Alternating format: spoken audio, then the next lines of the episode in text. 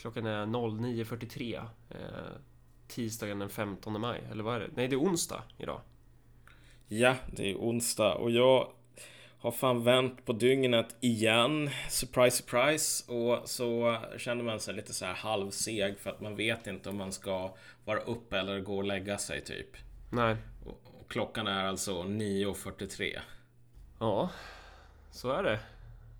Men annars så, annars ska jag fan upp imorgon på morgonen. Vilket kanske inte blir något superstort problem när man har vänt på dygnet lika mycket som jag har gjort. Och så ska jag till Timbro och typ vara på den här ideologifrukosten och prata om Har arbetarrörelsen och socialismen gjort en återkomst? Och egentligen så skulle jag bara kunna typ Istället för att jag kommer där så kan jag ju bara ta en lapp där det står nej. Så kan man visa upp den och sen liksom behöver man inte diskutera så mycket mer. Nej, så kan du sitta i ett hörn och äta frukost i fred. Fy fan vad jag hatar att äta frukost med människor. Det är så jävla jobbigt. Det är ju... Va? Ja, men det är ju det är skitjobbigt att äta med andra människor överhuvudtaget. Man vill ju bara sitta för sig själv typ och... Okej, det, här, det här är en sida av dig som jag faktiskt inte kände till. Men det, du, det där låter ju helt psyko, Marcus. Men du, du vet väl att jag inte tycker om att höra människor äta? Jag tycker inte heller om när människor hör mig äta. Jag blir otroligt stressad av det. Eh, Det, det där är en privat sak. Det är lite som så här sex och religion. Det är liksom inget man ska hålla på med offentligt bara. Det är bara vet och bete för helvete. Ja, ska vi börja med att dra igenom den här Swish, eh, Swish-harangen? Det gör vi. Då ska vi se. Mattias frågar, vad är er syn på Rothbard? Vad fan är Rothbard för någonting? Vet du vad det är? Jag, jag borde veta vad det är, eh, men jag är fan... Men du vet så, inte. Ja, precis. Jag är fan för trött. Ska jag googla? Jag, jag, jag har det på fan... Ja, du kan ju googla om du vill. Får jag klippa bort när jag sitter och googlar här bara? Eh, men vi får skippa den här grejen tror jag. Vi får Ja, vi- fan ta och klippa bort den. Det här blir ju helt CP. vi skiter i det där. Monica skriver Tack. Tack själv. Eh, Erik Anders Joakim Oklart vad hans riktiga namn är. Eh, Skriver ät kebabpizza. Ludvig skriver en liter bensin. Han har swishat det. Vad det kostade. Tack Ludvig. Du har, du har vaskat en liter bensin och skickat till oss. Vad är det här? Per skriver bensinpeng till favoritkommunisterna. Gasa på. Eh, Sonny skriver ert snack om alienation och sen hjärta med vänliga hälsningar ond konservativ kristen. Tom skriver Frankfurtskolan är lika med syndabock för vänsterns förfall? Frågetecken. Ja, lite så är det väl. Lite så. Alltså, man kan väl säga att det fanns ingen rök utan eld, men det har ju överdrivits ganska mycket. Alltså vad Frankfurtskolan höll på med. Ja, alltså det blivit en otroligt mytisk grej typ. Håller inte typ såhär alt-right, eh, den miljön på och pratar om Frankfurtskolan? Alltså det är väl, jag menar det är väl mer smartare versioner av eh, Jordan Peterson menar väl att alltså Frankfurtskolan är länken mellan Marx och postmodern neo-marxists. Men alltså jag tycker inte det håller ärligt talat och um, många i Frankfurtskolan skulle ju inte vara stora fan av den vänstern som de ser idag direkt. Eh, och Mi- Mikael undrar om han har swishat 88 kronor. Det är sällan jag ska, som jag säger siffran, men jag tror att det är symboliskt. Eh, och sen så undrar han om vår ideologi kan kallas nationalistisk socialism. Vi ska, vi ska inte gå på den där alltså. Det är ju, Alltså, det är ju synd jag- att nationalsocialism överlag är förknippat med eh, NSDAP och hela den harangen och liksom med nazismen. För begreppet i sig är ju ganska så här, det är ju fan svinbra begrepp. Men det är ju Ja men det är som Folkpartiet. Det är som Ja, Folkpartiet. också Tänk så dig. jävla bra. Men, Man kan är- inte döpa sig till Folkpartiet nu. Det Nej. går inte. Alltså Fan man kommer ju bli ett jävla skämt. Alltså det där är, det där är som uranavfall. Det är så här 40 000 år måste gå eller någonting innan man kan börja använda det igen. Men frågan Men- är ju om, om minus och minus blir plus, man kan döpa sig till Nationalsocialistiska Folkpartiet. Alltså herregud. Det vore ju fan, det vore någonting. Nationalsocialistiska Folkpartiet. Men, eh, men alltså. Ja, nej, det får man. När, när, om ÖP är upp för ett namnbyte, då kanske det är det som, det som blir alternativet här. Jag tänkte bara säga så här att i en annan värld så skulle man väl kunna säga, ja men vet du vad, jag är en nationell socialist. Men eh, Lenin som alltid hade ju en bra lösning på det där och han talade om socialistisk patriotism. Mm. Mm. Och det tror jag är, är ett sätt att kombinera de här två bra smakerna som smakar bra tillsammans. Eh, vad tänkte jag? Ja, så säger vi också tack till Christian, Kenny, Edvin, Håkan, Jonathan, Alexander, Alfred och Viktor. Och stort tack till alla vår, våra patreons också. Eh, sen, sen den sista grejen när vi går in på ämnet och det är angående det här med ljudteknik. Fan vad många det är som klagar på att vi har sjaskig ljudnivå. Och grejen är den, jag är helt öppen för att förändra det. Men de, eh, de tips och råd man får, det är typ bara så här. Ja, men lägg på en EQ eller lägg på en kompressor eller gör så här eller gör så här. Och så frågar man typ. Ja, men använder du Audacity? För det, det är det programmet jag klipper i. Nej. Nej. Så jag vill ha, jag vill ha konkret, konkret. Vad är det jag ska göra för att höja ljudnivån? Jag, jag använder den här effekten förstärkning, men, men det funkar ju inte. Det, den höjer ju ingenting. Det går ju inte att höja över liksom eh, 0 decibel. Jag vet inte ens om jag... Jag förstår ingenting, så ni får jättegärna liksom vara konkreta. Inte komma med en så här lös skithjälp som inte är någon hjälp, som bara är typ man sitter på läktaren, ungefär som en som när jag går på ÖSK och är jävligt full och klagar på att de, de spelar dåligt fast jag fan inte ens kan dutta en boll mer än en halv gång typ. Eh, så, så gärna konkreta förslag på hur, hur jag förbättrar. Och då alltså utifrån eh, Audacity som program. Så tack på förhand. Ja, okej. Okay. Med, med denna rant avklarad här um, så rör vi oss rast vidare till... Uh... Ja, vi ska prata om UBI, som det heter på engelska. UBI, alltså Universal Basic Income, vilket ju på svenska blir typ medborgarlön. Då. Eh, och det är ju någonting som vi har pratat om förut. Ja, vi avfärdar ju det ganska rakt. Mm. Det påminner om den här Yrrol-filmen när den här gubben svartvitt som bara äh, jag är skeptisk. Mm. Det var väl ungefär våran, våran syn på det då. Ja. Men eh, ehm, vi, hade, vi trodde väl inte att vi skulle ta upp det ämnet igen, men nu fick vi ju massor med förfrågningar på det och det är ju inget mysterium varför folk höll på att fråga om det. Därför att nu har vi den här presidentkandidaten i USA, Andrew Yang.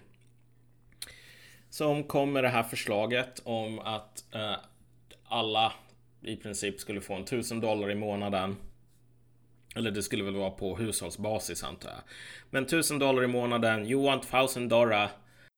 Vem är Andrew Young? Om vi ska ta en liten sån. Han är någon form av Silicon Valley snubbe då? Eller vad är, vad är grejen med honom? Ja. Han är, han är en så kallad entreprenör, en amerikansk sådan och en relativt framgångsrik sådan, men inte en av de absolut största fiskarna.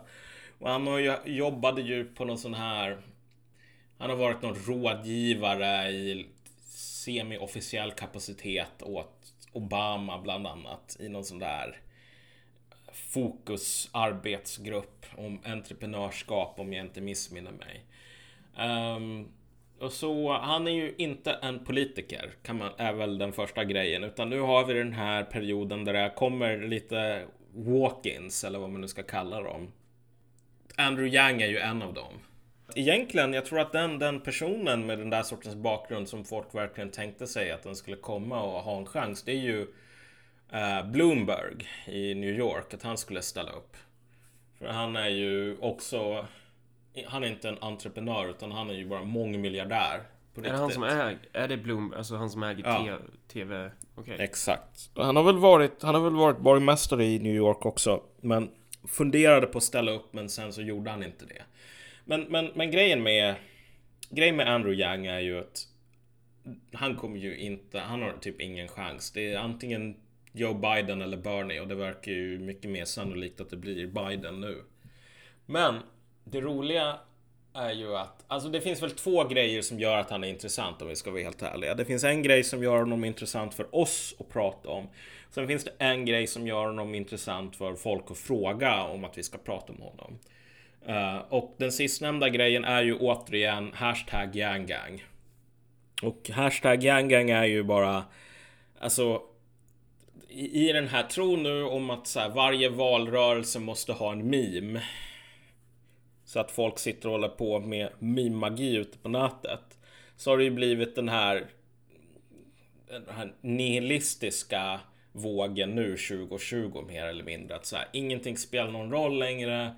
Um, får man tusen dollar då kan man ändå hålla på och kul. Man kan köpa en kramkudde eller vad det nu är man vill köpa. Och så fuck och bry sig typ. Um, och jag menar, jag tyckte, jag tyckte 2016 var roligare. Mm. Men, men, och var, varför är den intressant för oss då? Ja, nej men därför att, kolla. UBI som ett förslag. När vi gjorde det här eh, avsnittet förut. Då var det ju mer, alltså UBI det var en röda nördar grej. Om man känner till den gruppen. Alltså det är så här eh, Kalle Stropp och Grodan Boll som gillar Star Trek. Och gillar wholesome kommunist-memes. Och typ nörda på ett eh, familjevänligt sätt. Älskar UBI därför att UBI det, det påminner dem om Star Trek. Um, alltså det här, var, det här var en ganska fringe grej. Men nu har du helt plötsligt en presidentkandidat. Förvisso en presidentkandidat som kommer att förlora. Um, men ändå en presidentkandidat som håller på att tala om det här. Och det är också en person som inte direkt är en röd nörd eller en socialist eller vänster. Han är på sin höjd det man kan kalla progressiv, vilket de flesta i Silicon Valley är. Och just att vi börjar se den här gruppen tala om de här sakerna. Jag menar, det kan ju inte bara vara en slump. Det måste ligga någonting materiellt bakom. Och jag tycker inte att det är något större mysterium egentligen, vad, vad det är som ligger bakom. Utan jag tycker att vi talade ju förut i det här avsnittet om den här palliativa liberalismen. Alltså liberalism, det här politiska projektet från mitten och från vänstern som typ handlade om att mer eller mindre förvalta eller sköta den här dödshjälpsapparaten åt växande delar av den egna befolkningen. De människorna som var icke nödvändiga, obsoleta och så vidare. Ehm, um, UBI är um, den palliativa liberalismens... Alltså, man, säger, man säger palliativ. Palliativ, sorry. sorry. Uh, men det är den palliativa liberalismens faktiska um, metod att implementera, eller vad ska man säga? Det, det är dess verktyg. Ja, dess det, är ett, hö, det är ett högre stadium av den. Det är väl en förlängning på den, eller ännu ett steg i den processen, typ. Ja. Att konsolidera den här eh, dödshjälpsliberalismen. Och, och, och sättet som det görs på är väl typ att eftersom... Ja, det är väl ett sätt att avlöna din överskottsbefolkning på något sätt. Att du smäller ihop varenda jävla välfärdssubvention eller varenda jävla bidrag och så ska du bara inordna det i en enda, en enda medborgarlön. Ja, nej men alltså, och det är, ju, det är ju det som gör mig extremt skeptisk. Inte bara min avancerade ålder att jag är redan en jävla farfar.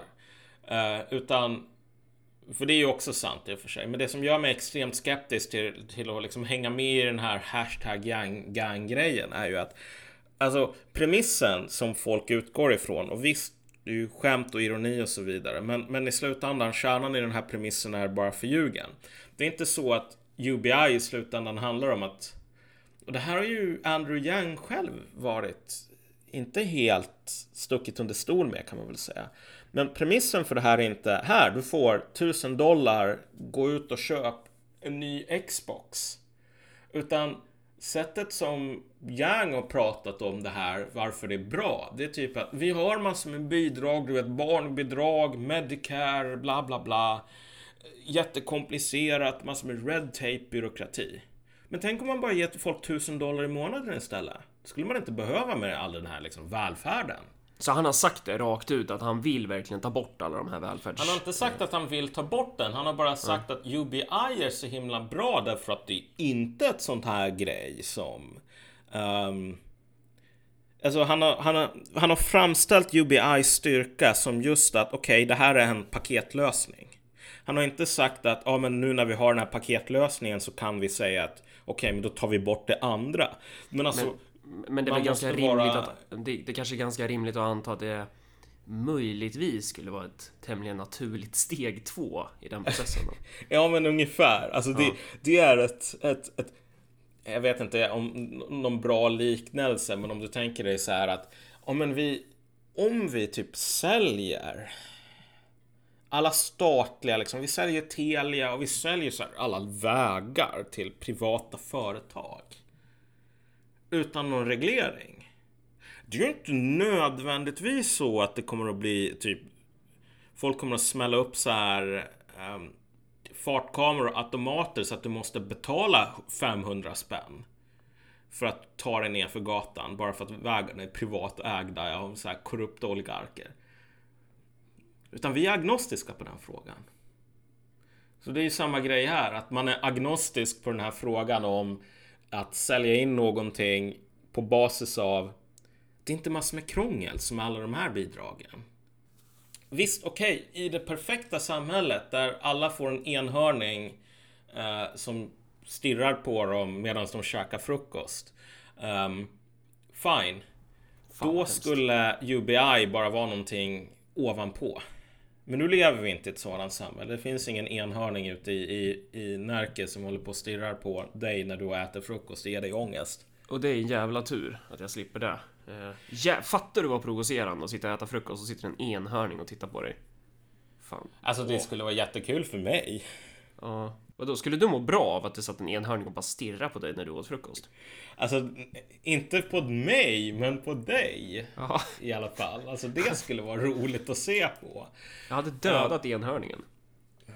Det får men, man inte göra. Nej, men okej, men det, det, alltså UBI är ett sätt att så här extrem rational... Eller det skulle möjligtvis kanske kunna vara ett sätt att extrem rationalisera välfärdsstaten på då. Ja, exakt.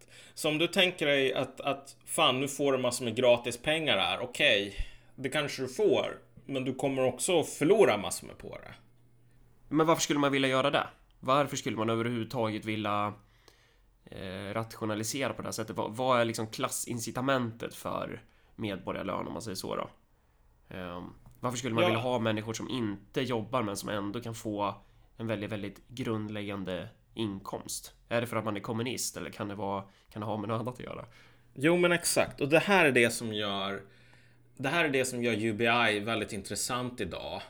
Um, därför att Visst, de här röda nördar-typerna som älskar Star Trek, de finns ju fortfarande kvar. De är ju lika politiskt irrelevanta som alltid.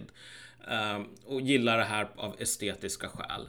Men om du ser till alltså sådana här de här så kallade nya socialisterna som Timbro tror eh, av någon outgrundlig anledning kommer att leda oss tillbaka till Sovjetmakt och typ röda fanor och så vidare. Ehm, um, Alexander Ocasio-Cortez, alla de här snorungarna i Momentum som är eh, genusvetare och extremt väl medvetna om intersektionalitet och så vidare de människorna gillar UBI väldigt mycket. Samma sak med DSA i, i USA och så vidare. Där är det också en sån här grej. Um, nu har UBI, sist jag kollade, fallit lite grann i skuggan därför att man har massor med andra såna här gimmick-grejer som man håller på med, typ avskaffa alla gränser. Uh, men men alltså i den här miljön, med den här klassen som vi har talat om massor med gånger tidigare. Ja, UBI är en stor grej. Mm. Och varför? Och, och de här människorna menar ju att kolla, nu är det så att vi har alla de här robotarna. Du vet, och det, det finns någon sån här fake marxistisk, alltså det, det är som marxistisk fernissa över det här. För du vet, Marx han talade om produktionsmedlen och, och, och att produktionsmedlen var hade den här magiska förmågan att typ lösa alla problem mer eller mindre. Så att man skulle kunna bygga en utopi på det sättet. Och det är väl stundtals en svaghet i Marx, att han har en lite för okritisk syn på de här sakerna. Men, men de här människorna kan ju säga ja, men vi, vi är vänster och marxister på riktigt just för att ja, men vi håller också på att tala om alla de här balla robotarna som håller på och kommer. Är det inte bara är det inte naturligt att när vi har alla dessa balla robotar. Att, att fler och fler ska leva som människorna gör i Star Trek. Det vill säga att de håller på och sitter och spelar fiol eller vad det nu är hela dagarna. Och så jobbar de om de vill och sen vill de inte jobba, okej okay, fine. Problemet är bara så här att kolla. det där är, det där är en fantasi. Det är inte så som världen funkar just nu. Um, och det här, nu, nu, nu generaliserar jag, men på vissa områden så stämmer det att okej, okay, här kan vi verkligen se robotar håller på att byta ut um, um, tidigare produktionsprocesser där det fanns massor med människor. Förvisso, men det är inte på grund av att robotarna i sig har nått någon sorts medvetande och håller på att ta över eller någonting sådant. Utan det är på grund av att i de här, i, i de här förhållandena så är robotar billigare än alla andra alternativ. I de, I de fallen, och det finns ganska många sådana fall idag, där det är billigare att byta ut robotar mot typ mänskliga slavarbetare. Eller halvslavarbetare. Då gör man det därför att en robot för en kapitalist är ingenting mer än en person som genomför en viss del av produktionsprocessen. En, det, det är en maskin som trycker på en knapp. Vilket är identiskt med vad en människa är i en i kapitalistisk produktionsanordning. Det är inte så att en kapitalist hyr in en arbetare för att vill höra om hoppen och drömmarna och så vidare, utan för att man vill ha en maskin som trycker på en knapp. Och saken är den att så här, i, i det kontext, tänk dig, de här människorna som fick a thousand dollar i månaden. Um, skulle väl gå på typ Walmart och köpa massor med plastskräp och så vidare tillverkat i Kina. Och så skulle de gå eh, på H&M eller jag vet inte om de finns kvar, men motsvarigheten och köpa lite så här t-shirts och hoodies och så vidare. Ehm, de som syr dessa t-shirts, det är inte robotar, utan det är framförallt barn och typ kvinnor i Bangladesh och andra sådana ställen. Så egentligen, om vi tänker oss att det är så som arbets arbetsfördelningen ser ut. Här har vi människor som inte gör någonting annat än att de går och konsumerar grejer. Och sen här har vi människor som inte gör någonting annat än att de jobbar i fallfärdiga byggnader för svältlöner. För att de här konsumenterna ska kunna köpa grejer. Jag ser inte Star Trek någonstans här om jag ska vara ärlig. Nej, alltså det, det, där är ju verkligen om man ska återknyta till det här begreppet palliativ. Eh, ja. Det skulle vara så jobbigt om jag också uttalar det fel nu i efterhand. Men, men ja, dödshjälpen. Att du, du har ju en överskottsbefolkning i... Det är väl så många av de här personerna ser det. Eh, alltså är du typ såhär Silicon mm. Valley-entreprenör, mm. då är det kanske ganska rimligt att du ser de här som Hillary Clinton kallar för deplorables. Alltså det är en överskottsbefolkning som du, du måste hitta på no någonting åt de där jävla människorna. De måste vara i någon jävla hage någonstans. Där, där, du kan ge någon form av dödshjälp. Och det är väl det som är den här medborgarlönen. Det blir en form av ekonomisk dödshjälp just genom att då får du en grundläggande lön och så kan du gå och konsumera någonting. Och sen är det upp till dig om du ska försöka hitta någon jävla jobb och jag vet inte vad det skulle vara för typ av jobb, typ någon sån här gig-ekonomin eller någonting. Eh, men, men problemet är ju där att vad är, det finns ju ingen beroendeställning kvar då från de här personerna som, som får den här dödshjälpen. Alltså, ja. dödshjälpen är ju någon form av givmildhet. Dödshjälpen är ju inte, är ju ingenting som sker för att den personen som tar emot dödshjälpen tvingar dig till det. Eh, men, men typ så här, hade du varit arbetare i ja, eh, typ under större delen av 1900-talet då, då kanske du som kapitalist hade tyckt så här, men arbetare är skitjobbiga, jag hatar dem. Eh, men, men du har ju inte alternativet att säga jag vill bli av med alla arbetare för då kan inte din produktion rulla. Men du kan bli av med alla de här människorna som du ger den här dödshjälpen till, som du ger den här medborgarlönen till. Mm. Förutsatt att de personerna inte har en ställning i produktionen eller ekonomin, för då är de inte stridbara. Så det är ganska lätt att som ett möjligtvis, kanske naturligt steg i den processen, eh, att bara så här klippa den där mm. hjälpen det, det som man behöver ställa sig frågan är bara, men okej, okay, men varför behöver alla dessa bangladeshiska sömmerskor hålla på att mm. få taket som rasar in på dem för att man inte har råd att ha um, byggnader som inte faller sönder på grund av ens profitmarginaler här. Då kan man ju säga, men vet du vad Malcolm? Din, din nationalfascist, whatever. Det är på grund av kapitalismen. Det är att kapitalismen är hemsk och uh, dum. Men grejen är bara så här att visst, det är en självklart. Men för inte allt för länge sedan så tillverkade man kläder i USA. Det gör man inte längre. Och det är inte på grund av att en ond gud har bestämt så, utan det är på grund av att det är ekonomiskt rationellt att hålla på att flytta den här produktionen av kläder annorstädes, ja. Men samtidigt, ekonomisk rationalitet är inte heller någonting som ges från Gud, vilket är varför um, folk kunde hålla på att skriva saker som ekonomin har aldrig varit mer global än nu och den kommer bara fortsätta bli mer global. Vi går mot ett globalistiskt millennium. Typ 1902. Eh, och sen så kommer första världskriget och den här globala världen, den bara stendör på ett par år.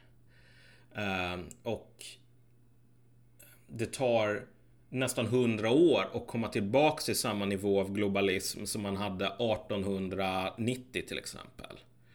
Så att alltså, vi människor har ganska stor kontroll över de där sakerna. Och saken är bara den att um, en gång i tiden som sagt, man höll på att tillverka kläder och skor och tändstickor och massor med av andra saker i USA. Och nu för tiden så är det så att hur mycket pengar ska de här människorna få för att de ska kunna importera det här från Bangladesh? Det är det som är frågan. Men jag tänker mig att om vi tänker oss tillbaks till inbördeskriget. Inbördeskriget handlade i USA inte om Slaveri är moraliskt dåligt. Det här är hemskt. Så vi måste få slut på det för att vi är moraliska människor.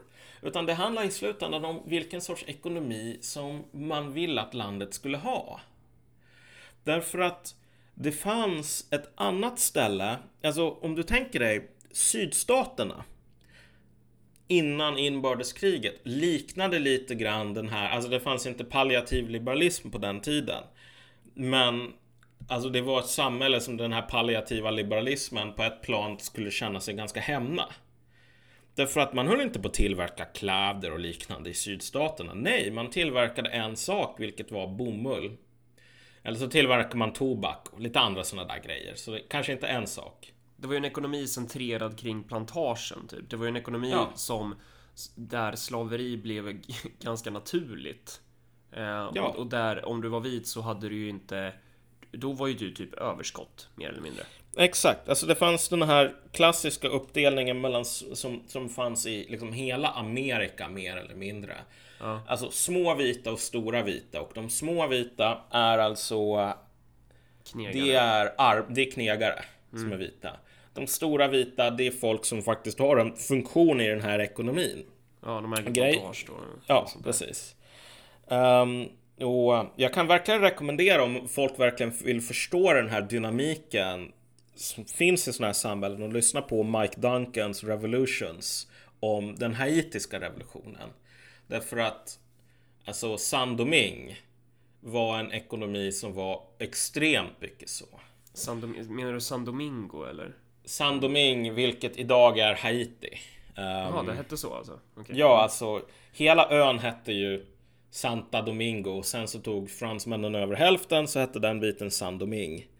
Och nu är det typ ön är delad i hälften fortfarande. Den ena hälften är Haiti, den andra är den Dominikanska republiken. Men, men men jag kan verkligen rekommendera den serien om Haiti därför att då får man lära sig ganska mycket om alltså de, de politiska konflikterna mellan olika vita framförallt. Men, men, men poängen är bara så här att kolla, man tillverkade de här grejerna precis som du sa, en ekonomi centrerad kring plantager. Och sen de här plantagerna exporterar saker till England och så vidare. Man exporterar bomullen dit, så tillverkar man kläder och så importerar man tillbaks kläderna. Det här, var en, in, det här gick inte att tolerera för industrialisterna och köpmännen i nord. De sa att varför ska den här jävla bomullen gå till britterna? Den ska gå till amerikanska fabriker så att vi kan anställa amerikaner och så kan de hålla på att göra kläder. Det fanns säkert någon i sydstaten som bara sa ah, vet du vad, din ekonomiska naturlagar, det går inte att, att, att tillverka kläder i USA på grund av att det har marknaden bestämt. Men det som är så himla nice är att okej, okay, du kan bara förklara krig och så kan du rulla ner lite kanoner och Maxim maskingevär. Och då, om inte marknaden rullar fram lika många kanoner, då är det du som bestämmer. Mm. Och de som hade flest kanoner och bäst generaler och flest soldater, de bestämde att jo, det gick visst att tillverka kläder i USA. Och det gick att göra så att istället för att södern skulle vara en plantageekonomi med supermånga rika människor som eh, du vet, levde jätteflott på en slavekonomi så skulle vi ha det här skulle vara en reservbod för resurser och för arbetare till industrierna i nord. Och så skulle det vara industrialisterna som blev superrika. Alltså det går, det går, den där konflikten finns och den börjar komma upp igen idag. Vi har inga inbördeskrig om det. Men att det var någonting, den här synen på två olika ekonomier. Att det valet var så extremt viktigt så att folk var beredda att döda sina egna landsmän för det i ett av alltså dåtidens mest brutala krig. Ja, ja, nej men det visar bara på att de här konflikterna, de är real. Och, och vi börjar se nu hur den här den nya vänstern bara avskyr de här fackföreningsrörelserna och vita männen och knegarna och så vidare. Och, och du ser hur vänstern håller på att splittras internt. Hur de här gamla partierna håller på att gå sönder. Eller så är det så att det sker det som sker i, i um, med Labour. Det som sker är ju typ så här. Bara en, det är ungefär som när du... Eh, hur ska man uttrycka det? När du kollar på fyrverkerier långt bort typ. Mm. Att ljuset kommer före ljudet. Ljuset har redan hänt i de här partierna. De här konflikterna har redan avgjorts. Det, det som vi ser nu det är att ljudvallen kommer mot oss nu. Ja, jo, typ men, äh, du, jo, jag håller helt med dig faktiskt. Alltså, jag skulle säga att alltså, när striderna väl börjar så är det för sent. Liksom. Då har en sida redan vunnit mer eller mindre. Ja, nej men och, och saken är den att så här, i Labour, okej, okay, Corbyn finns där som galjonsfigur, men det är typ Momentum som har vunnit den här konflikten. Mm. De här gamla arbetarna går till soffan eller så går de till typ Nigel Farages nystartade liksom Brexit Party. Mm. Um, I Tyskland, Sara Wagenknecht är typ ute. Utan nu är det Berlinvänstern som ska bestämma och Berlinvänstern tycker att de här dumma rasistiska öststatsarbetarna, de kan fan dra åt helvete. Mm. Och då, för att summera lite då, då eh, är ju att man kan säga att det finns då en globalisterna, om vi ska använda det uttrycket, för det blir ju tydligen jävla liv när man gör det.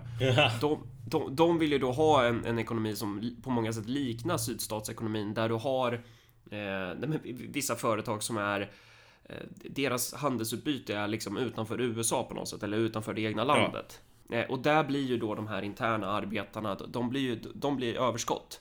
Eh, och då, då blir verkligen deplorables i den ekonomiska modellen. Och då följer ju ideologin på det såklart. Eh, och, och, och, då skulle typ medborgarlön kunna vara ett sätt att bara förvara de här personerna under en kort period. Tills dess, att man, tills dess att man bara ställer sig frågan, men varför ska vi ens ge pengar till de här människorna? De fyller ju ingen funktion. Och så slutar man med det. Så det är väl lite det som är poängen då med, med hela den här långa ranten. Jag tror inte, jag tror inte att um, Andrew Yang är som de här japanerna i Tintin i Kongo, liksom du vet så här listig, kalkylerande, blodtörstig skurk, att det finns något sånt. Men samtidigt så här, ideologi är ju så fantastiskt därför att det förenar Ideologin gör att du inte behöver vara cynisk. Mm. Alltså, du kan verkligen tro att nej, men jag vill hålla på och rädda befolkningen i Appalacherna och jag vill göra någonting viktigt och rationellt en insats. Jag tror att Yang tror det. Men han tror de sakerna därför att det är möjligt materiellt att tro dem och det ligger i hans intresse att tro dem också. Ehm, um, UBI är i slutändan en av de åtgärder som skulle krävas för att mer eller mindre ställa om ekonomin till en till ett läge där det går ja, men... att avliva hela inlandet i USA utan att ja. någonting går, går fel egentligen. Och där finns det ju också en motsättning då mellan, hur ska man uttrycka, ja, men kapitalister som har, be, som har behov av de här arbetarna. Eh, mm. precis, precis, som, precis, precis som det fanns en konflikt mellan härskande klasser mellan syd och nord. Det var ju inte bara så här, det var ju inte bara arbete mot kapital och det ska man ju komma ihåg. Det finns ju otroliga motsättningar inom liksom den klassen som äger produktionsmedel eh, sättet du äger produktionsmedel på och vad du lägger i begreppet produktionsmedel gör ju att du kommer, du kommer kunna ha motstridiga, motstridiga intressen med även personer i din egna klass så att säga. Men det är också en sån här grej som varför jag kan rekommendera folk att lyssna på Mike Duncans Revolutions. Därför att alltså, man kan, han har väl en åtta stycken som man går igenom nu. Um, och nu kommer ryska revolutionen om någon månad, så det ser jag oh, faktiskt fram emot ganska mycket. Uh, det kommer väl vara en 30 avsnitt eller någonting sådant bara om ryska revolutionen. Det är för övrigt den grejen som typ HBO borde göra, eller så ska jag inte säga nu när de har kvaddat Game of Thrones så jävla mycket som helst. Men, men ryska revolutionen hade fan varit perfekta revolutionen att göra en serie på. Den, den har ju allt alltså. Nej, det, det, det, det är som att alltså Paradox skulle göra Vicky 3 nu liksom. Det skulle ju bara bli katastrof. Man ska inte, man ska inte önska sig sådana saker. Jag, jag undrar när Paradox kommer göra kommunkampen. Man ska bygga lokalpartier i olika kommuner och sen försöka ta över Sverige den vägen. Ja, det är när vi, när, när, vi har tagit över Sverige och nationaliserat en, all svensk spelindustri. Då kommer de, då kommer de att frivilligt välja att göra det spelet.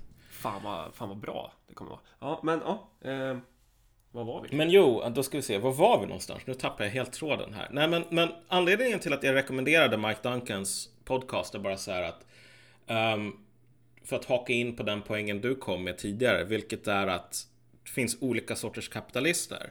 Det är så här att i princip alla sådana här stora omvälvningar, revolutioner och så vidare åstadkoms inte genom ja, men arbetare eller bönder. Utan det krävs alltid allianser mellan olika klasser. Mellan typ segment av eliten och segment av folket. Um, alltså jag kan på rak hand inte ens egentligen, alltså om man typ inte räknar bort meme-nivån Ditmarsken. Mm. Eh, som var de här bönderna i Schleswig.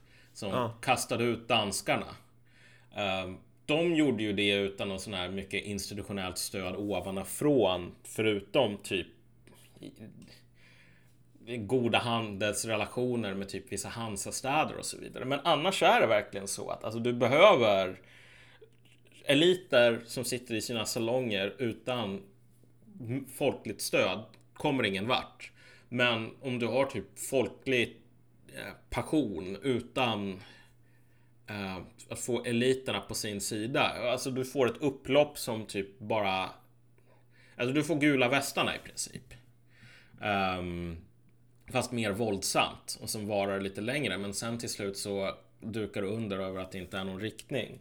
Så, så jag vill sätta upp ett varningens finger här egentligen för en del en del människor som ändå har huvudet på skaft på något plan men som verkligen har roma en romantisk syn på hur hur den arbetande klassen kan göra revolution. Exakt. Att, ja. att man inte behöver bry sig om såna här tråkiga grejer som okej, okay, men så här, vilka företag ska det finnas kvar i Sverige och vad är det jag kan erbjuda de här företagen så här, för att tillverka grejer i Sverige?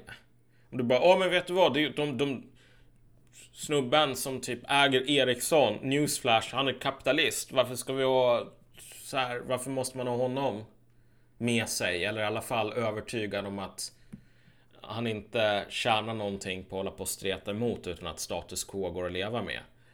Så här, ja, om du inte har det, då har du ingenting. Men har vi förklarat då liksom den här relationen med Bangladesh och, och vad händer egentligen? Vad händer med alltså så här, om de arbetarna i Bangladesh börjar få det bättre, då kommer ju det eh, försämra eh, konsumtionsmöjligheterna i till exempel det landet då som, som har medborgarlön. Ja, exakt. Alltså det här är det som är grejen. Visst, om du, om du, om du hänger på röda nördar eller någonting sådant, då kan du verkligen hålla på och lura dig själv och dina polare om att det är robotarna, Scotty.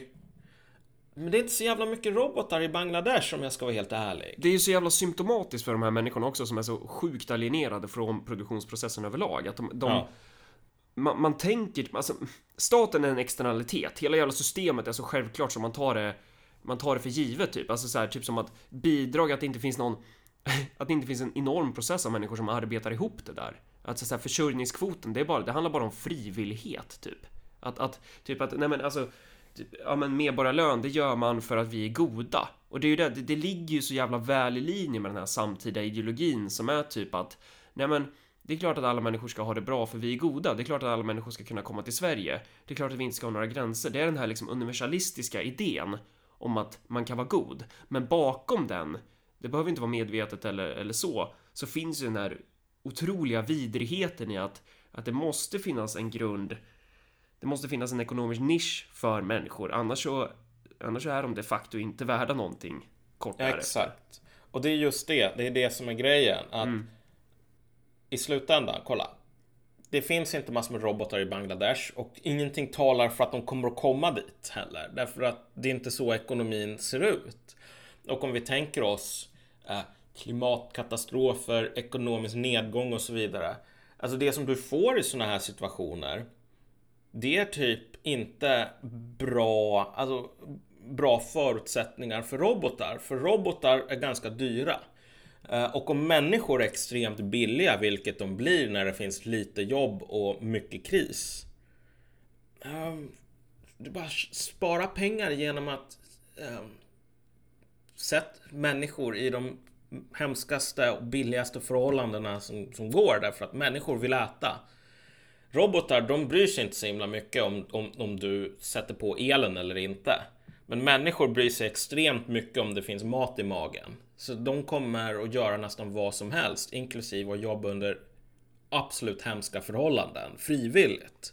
Och det är ju därför Om- det är så jävla antikommunistiskt på något Ja. sätt. Att, att, att företräda den linjen om att man ska att man ska ha medborgarlön. Alltså Ja. det är motsatsen. Och det, och det visar ju också på den här totala missuppfattningen kring de här, ja men du pratar ju om de här på Timbro som typ ska leta socialism överallt. Alltså om de inte gjorde det så skulle de ju inte ha ett existensberättigande. Det är ju därför de finns typ, för att de ska så här varna för hotet från Sovjet, från en jävla mupp som typ har köpt in en massa 3D-klitoris. Liksom. Alltså, det, det är ju självklart att människor måste ju ha Människor måste ha en plats i ekonomin. Alltså det, Jo, det, det, exakt. det, det är ju det som borde vara den röda ståndpunkten så att säga. Ja, det, men definitivt. Och det var ju det som i slutändan var Marks ståndpunkt också. Och det här har vi ju kommenterat på förut. Att jag menar, Marx var ju livsbejakande och inte motsatsen. Vilket är att i den kommunistiska utopin, när vi nu kommer till den, då är det så att life will be, or labor will be life's prime want. Alieneringen ska försvinna från arbetet, men notera att arbetet ska inte försvinna. Um, och, och saken här är att, precis som du säger, vad händer egentligen om, om de här arbetarna i Bangladesh själva genomför någon sorts socialistisk revolution och säger vi tänker inte hålla på att slava eh, i slavliknande förhållanden. För att de här jänkarna ska kunna köpa en t-shirt för 50 spänn för att 50 spänn det är det enda de har råd med på grund av typ deras UBI. För att det är vad den täcker. Eh, det är inte som om Andrew Yang eller hans polare i Silicon Valley kommer att fixa en ekonomi som bara okej, men nu tillverkar vi kläder här i USA istället. Folk får gå utan kläder. Ehm, och, och det är just det som är den här stora risken med den här modellen. Nu tror jag inte att den kommer att gå... Jag tror att Den kommer ju inte implementeras men, men det är så Nej. symptomatiskt för, för var de här människorna står. För det är symptomatiskt för deras klassposition. Ja, Att, exakt. Att, de, att de tycker det där är bra. Och också kolla på vilka det är som förespråkar det här egentligen. Vad jobbar de här personerna med? Många lever ju faktiskt på transfereringar. Alltså det är ju inte bara de här Silicon Valley entreprenörer, de här fräscha, progressiva jävla startups eh, entreprenörerna som har ett företag som slutar på Y typ. Utan det är ju också eh, personer som är, jag vet inte vad, konstnärer eller personer som lever på olika former av bidrag kanske också typ tänker att det här är en jättebra idé. Mm. Nej men exakt, alltså det är människor som vars egna materiella position inte på något sätt påverkas negativt av att ställa om ekonomin till en sån här klassisk typ imperialistisk ojämn ekonomi så som vi såg på 17, sent 1700-tal, tidigt 1800-tal. Um, ehm, medans om du bor i alla de här avfolkningsorterna i Sverige så har du ju fått ditt liv förstört av den omställningen. Men återigen, de som vänstern utgörs av idag och liberaler, varför de hittar varandra mer och mer. Men det är människor, de kan gå igenom typ tusen jävla fabriksdöder till utan att det kommer att röra dem i ryggen.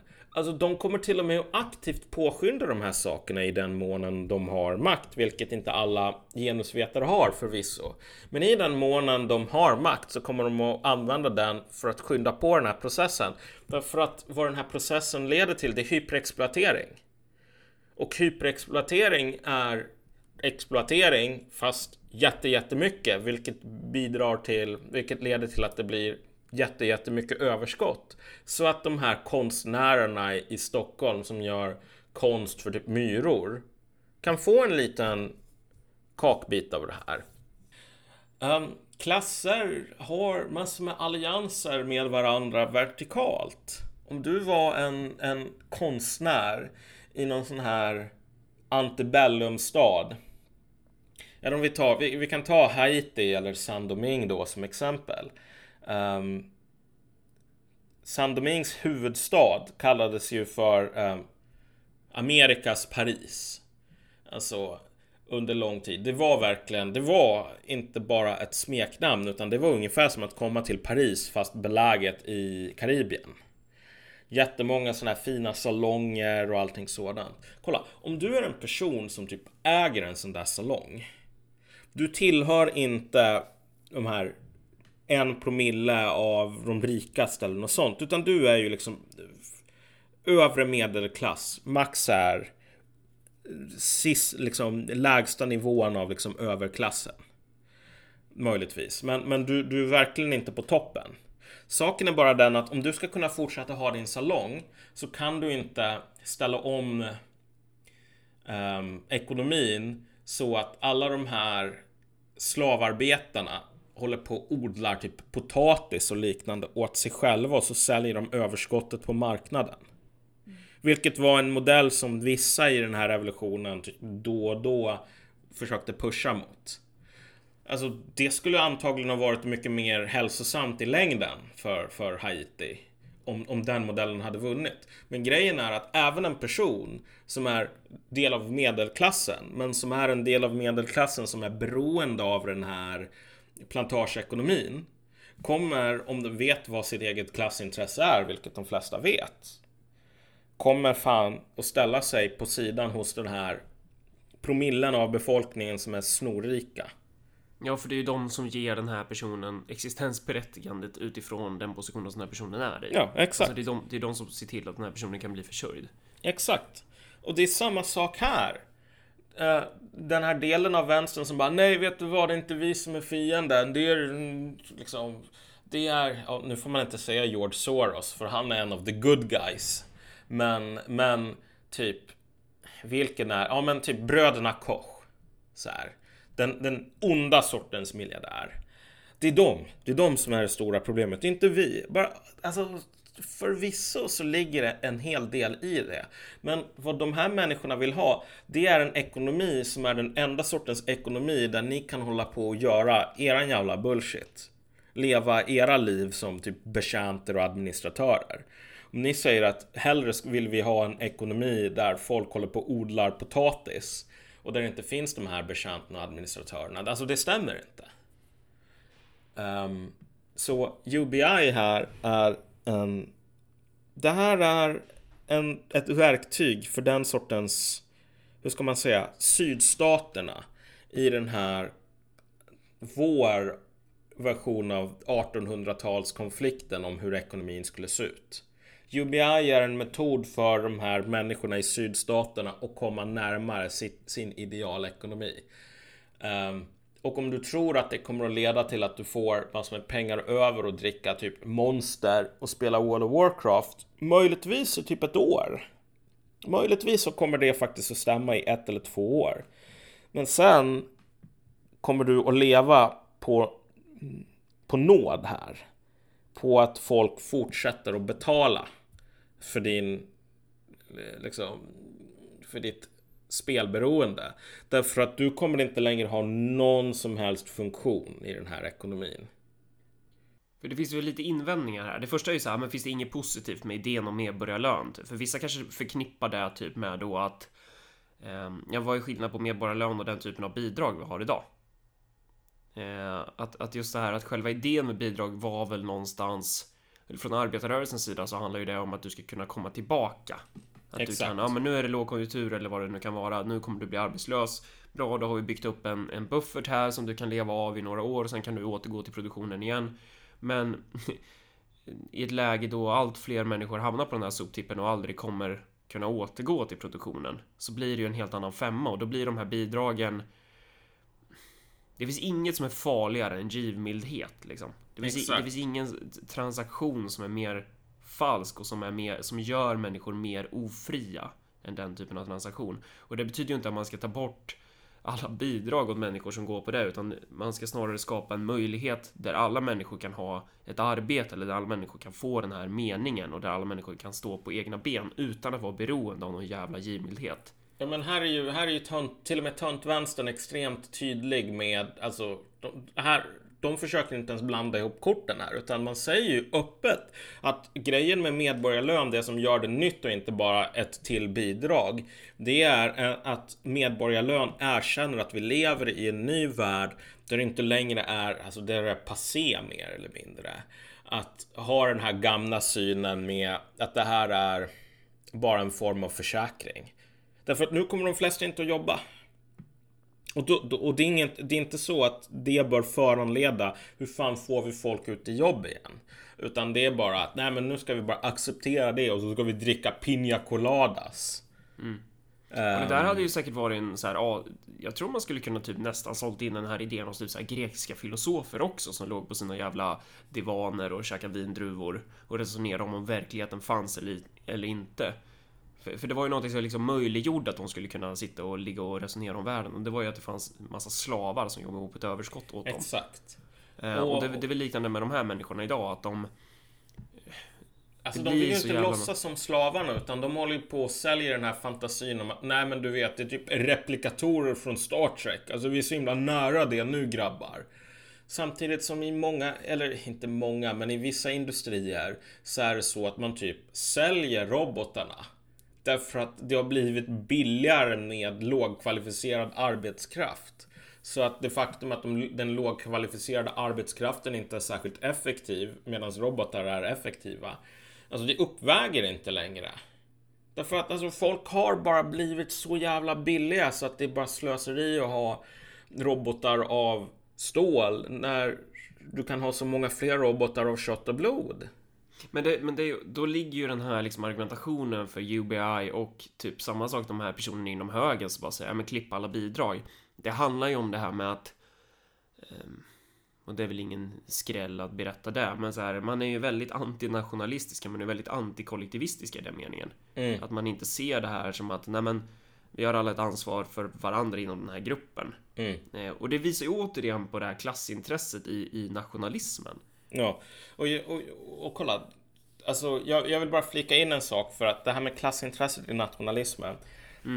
Flipside på att hålla på och följa de här vänstermänniskorna, det är att hålla på och ha lite koll på de här klassiska såna här mongo dödshöger pandit som alla hatar. Du vet, Ann Coulter, Tucker Carlson och så vidare. De människorna börjar låta jävligt konstiga nu för tiden. Ja, men de, de, är ju, de är ju närmare oss än vad den här vänstern är. Ja, exakt. Och saken är den att reaktionen från vänstern blir alltid så här, men det här är bara, det här är Mm. I, bara de, i, ruse. I den frå- alltså i de aspekterna kanske man ska säga. Men ja. Mm. Ja, nej, men alltså, men, men reaktionen från vänstern blir alltid att det här är bara, när Ann Coulter säger att hon funderar på att rösta på Bernie Sanders, då är det bara så här 12-dimensionellt schack som hon använder för att splittra liksom, motståndarna. Och jag säger som Heaven i Team Fortress True Två. Maybe, maybe. Men jag är, är jävligt tveksam i slutändan. Jag tror inte att det handlar om så mycket smarts här. Jag tror att folk överlag, de gör saker politiskt och så tänker de saker politiskt utan att riktigt tänka det här igenom 20 steg i förväg. Um, och det... Och om, om det skulle vara sant i det här läget, vad säger det? Att Ponera att det inte är en 20 steg i förväg som varken Tucker Carlson eller Ann Coulter har planerat att de nu låter som så här i vissa fall så här gamla vänsterpopulister. Uh, då måste det ju vara att det är någonting som gör att när man inte tänker efter, då känns de här ståndpunkterna mer naturliga. Mm. Och det är just det att min, min, min tes här angående vart vi är på väg, det är ju att alltså, högern kommer att upptäcka, högern är verkligen spegelbilden av vänstern här, därför att vänstern just nu håller på, glider in i den här rollen som liksom, de slåss för södern. De slåss för globalismen. Och sen så är det så att de, de, de hamnar i massor med ståndpunkter som de inte riktigt kan förklara varför de, de hamnar i. Och inte riktigt kan förklara, okej, okay, men vad får de här för materiella effekter på sikt? Men de här materiella effekterna, de drar åt det här globalistiska hållet. Högern är verkligen inte Ann Coulter om du frågar henne för fem år sedan bara Planerar du att bli socialist? Hon skulle inte säga ja, ja, ja men det, det är det som är framtiden för oss. Men, men den här glidningen sker. Den här glidningen in i någon sorts konstig, formlös, men tar lite mer form med tiden. Och så här gammaldags amerikansk, liksom nästan agrarpopulism. Um, ingen av de här människorna har nog valt det. Men, det, men ju mer de ser att okej, okay, men här har vi de här nordstatsarbetarna mer eller mindre. Totalt öppet fält. Då förändras man utan att vilja förändras själv. Ja. Och det är därför som jag, jag, jag lyssnar gärna på intervjuer med liksom sådana här människor som Tucker Carlson och så vidare. Därför att eh, han verkar inte vara en så extremt kalkylerad person. Så han säger så här, ja men jag, jag växte upp i så här super doktrinärt konservativt parti. Eller familj. Jag fick lära mig att ja, men staten är fienden. Och jag, vet, jag tycker inte riktigt längre de sakerna på samma sätt. Men jag vet inte riktigt varför jag inte längre tycker det som jag tyckte förut. Det är liksom ofta på den nivån han är och det ligger någonting jävligt ärligt i det faktiskt. Så, så det, det, det man måste sätta fingret på här i slutändan att det finns någonting instinktivt i varför vissa människor gillar saker som UBI och det finns någonting instinktivt i varför folk väljer att inte gilla dem så eller varför de upplever att de inte gillar de sakerna. Och de här ja, instinkterna och, och, och, är... Det, ja. det finns ju också en instinktiv grej att vad fan, varför ska vi hålla på och betala skatt åt folk som inte ska jobba? Ja, det är, väl, det är väl en väldigt instinktiv grej. Och det är just exakt. därför som folk är lacka på människor som bara går på bidrag och inte gör någonting. Eh, det träliga är ju bara att det slår över mot typ så här. Alltså i vissa fall slår det ju över mot liksom folk som faktiskt bör gå på bidrag och inte göra någonting. Typ personer som är cancersjuka. Mm. Eller personer som, som av olika uh, orsaker ska bli försörjda av oss andra. Ja, Pensionärer till exempel. Exakt. Ju... Så, mm. så, ja, nej men nu har vi, nu har vi väl diskuterat i alla fall det här med UBI ett tag och som sagt, vår kritik nu är väl kanske inte identisk med den Ja men typ. Jag tror alltså, det. Eller jag, jag vågar inte lyssna på det avsnittet. När, när vi, när vi talade om det förut så var det mycket mer att det här kan typ inte fungera för det är, det, det är mot Marx naturlagar om hur ekonomin funkar. Om jag inte missminner mig. Var vi verkligen på den nivån? Nej, alltså kan, inte, jag menar inte det här som något så här bombastiskt så, utan jag menar mer i termer av att alltså, då, UBI är en modell som inte är realistisk. Jag skulle väl säga att min position där är väl att alltså, i någon mån så är den mer realistisk än vad vi gav den credit för. Det är inte realismen som är problemet. Nej, det är ju klassintresset bakom som är problemet. Ja, vad är det som ligger bakom ja. de här initiativen? Uh, och det som ligger bakom, det är inte... Det, det, det, liksom, det är de här, uh, för att låna från Alex Jones, de här interdimensionella pedofilvampyrerna som ligger bakom. Um, um, I hate to break it to you, men det är, det är vampyrer, alltså det är demoner. De människorna, de stinker sulfur. Um, det, det, det, det, är inte, det är inte människor som typ är på våran sida om vi säger så. Nej. Och en till grej med det här med arbete, den här jävla arbetskritiken som jag blir galen på typ. Alltså Mm. inom arbetarrörelsen, framförallt inom socialdemokratin har man ju alltid pratat om typ så, och det finns ju flera anledningar till det typ, men att just det här som arbete som vägen till människans befrielse. Mm. Arbeit macht frei, som bekant. Men, men att det är liksom... Det, det finns någonting jävligt fint i att människan kan arbeta. För att det gör dig fri. Du Exakt. blir fri av att arbeta. Det är liksom, det, det, det är ett sätt som, som du blir självständig och där ingen kan sätta sig över dig. Och det är Ehm, just, ja, precis, och det är just det som är det absolut farligaste med den här sortens liksom, vision om UBI. Ja, ja, Du vet, okej, okej, du kan få tusen dollar i månaden. Liksom, i, i, I det bästa utfallet här. Men det är inte du som håller, det är inte du som producerar någonting. Du är bara en konsument. Och det är så här att staten kan göra någon deal med något, liksom, något, något eh, läkemedelsföretag och bara säga att ah, men vi debiterar, nu får du 800 spänn och så får du de här fentanylplåstren värda 250 kronor eller 250 dollar i inköpspris. Fatta vad du tjänar.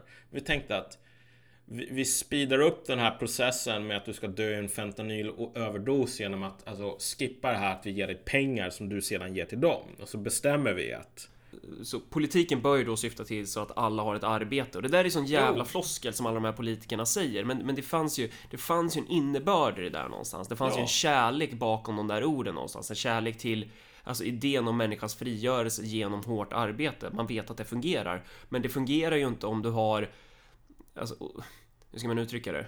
Det måste ju vara en väg till djupare befrielse att, att det är liksom eh, Att det inte stannar vid att du arbetar åt någon annan. För det är ju där arbetskritiken är Där det finns Det är väl därifrån de vettiga delarna kommer Att, att du håller på och arbetar åt någon annan person Mm. typ. Eh, Men, men i UBI och hela Och det går ju också då Det är ju det som blir det här paradoxala. För att å andra sidan så säger man Ja men det är fel med exploatering. Men vi ska försörja personer som Som rent fysiskt Har möjlighet att arbeta. Eh, där, och, och då istället för att komma till slutsatsen så här att att ja, men vi ska försörja dem eller att, att bara ett fåtal personer ska jobba. Så man borde komma till slutsatsen att alla ska ju ha ett arbete liksom. Att alla ska ju kunna jobba. Ja men alltså kolla här. Med, med risk för att låta som en anka, som om jag gästar i Radio Bubbla eller någonting nu. Men men jag menar visst, alla borde ha ett arbete och alla, därför att det här arbetet innebär en jävla frihet i slutändan. Alltså, bara för att man är, kallar sig själv kommunist så behöver man inte vara dum i huvudet. Tänk dig vilket enorm risk det skulle vara att ha den här klassen av, alltså typ romerska proletärer som livnär sig på alltså frivillig hjälp från staten. Hur fan kan man vara säker på att det är bra killar och tjejer i den här staten? Svaret är det går inte. Utan det enda man kan vara säker på är att det typ inte kommer att vara det i princip. Så du, människor kommer att vara totalt utlämnade till den här staten som faktiskt kan bestämma sig för att nej men nu, vi sa att vi skulle ge dig 1000 spänn men nu får du 800 dollar eller 800 spänn och så får du fentanylplåster för resten för att så här. Det är så vi har bestämt det. Vad fan ska du göra då? Du får tacka och ta emot. Mm. Därför att återigen, du har ingen som helst möjlighet att göra någonting annat. Du har manövrerats in i en position av en total brist på autonomi. Eh, det är inte någon utopi. Det finns, och, det, det tråkiga här är ju på något plan är att det finns ju den här aspekten i, i, i, i, i speciellt med internet. Att över tid du har massor med dumma ankor som säger ja men vet du vad kommunister det är folk som vill um, att alla ska dela på tandborste och så här, skatterna ska vara så höga som möjligt. Ju mer skatt desto mer kommunism är det. Så här, desto mer staten bestämmer om desto bättre. Och så är den bara en sån här tendentiös dum kritik. Men så har du riktiga jävla stendö, stendumma mongon på andra sidan som bara Ja, jag tycker faktiskt det här. Det här är skitbra. Vad ska du göra åt det? Bara, ja, självklart ska skatten vara hur hög som helst. Alltså, bara nej. Nej! Det, det, det, det finns inget egenvärde i att Nej, men alltså, ha... he- hela poängen var ju liksom att arbetarklassen ska ju få makten över produktionen. Ja. Makten över sitt egna arbete. Poängen är ju inte att du ska vara beroende av någon annans produktion. Ja. Nu har många av de här människorna hamnat i så här att vi måste ha en stor stat och det spelar ingen roll vem det är. Alltså teknokrater i Bryssel, fine. Så här. Bara vi har en stor stat som håller populisterna på mattan. Och jag bara så här. Herregud, vilken jävla dup du är. Men på den basis, utan att bli någon sån här... Uh, förespråka liksom privatägda kärnvapen eller någonting så, så här. UBI skulle förslava människor. Och jag är inte något större fan av folk som ska leva i olika former av slaveri om jag ska vara helt ärlig.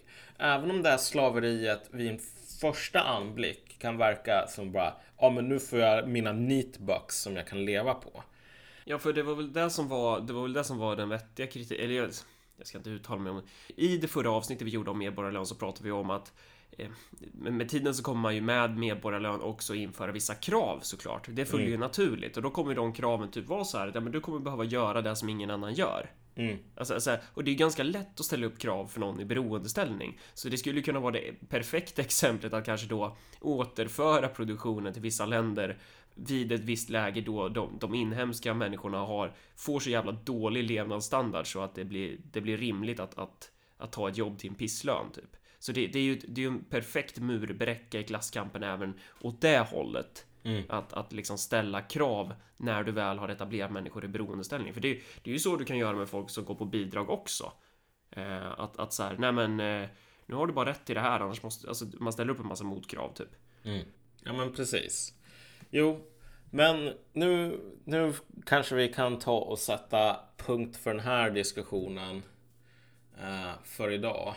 Då har vi bidragit med något slags extra perspektiv på det, men jag tror att i förra avsnittet så pratade vi mer om om medborgarlön som en metod för att skapa ett låglöneproletariat också, tror jag. Ja, nej men precis. I slutändan så, det här... Det finns, hälften av det här med UBI just nu är bara en meme och den memen tycker jag inte håller superhög kvalitet men vissa gillar ju den för att de har dålig smak. Eh, fine. Alltså det är så här, live and let live på den, på, på den punkten. Men, men um, Yang lanserade inte sin presidentkandidatur eller det här förslaget för att han ville skapa roliga memes på 4 Utan logiken där bakom är logiken hos sydstaterna idag. Och jag menar, varken du eller jag är sydstatare och jag skulle väl säga att de flesta lyssnarna till Marcus och Malcolm skulle inte tjäna på att leva i sydstaterna. Um, utan vi, vi, vi får Um, vi får helt enkelt försöka kämpa för ett samhälle där UBI inte behövs.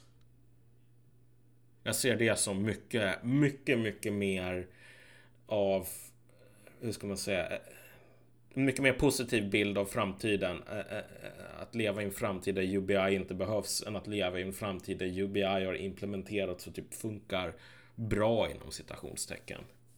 Så det är om man vill skicka en gåva via Swish så gör man det till 0790 1072 23. Och så får man jättegärna sprida avsnittet och hela köret. Man kan också bli en Patreon om man vill, vill bli det. Så, hej då! Hej då! Nu.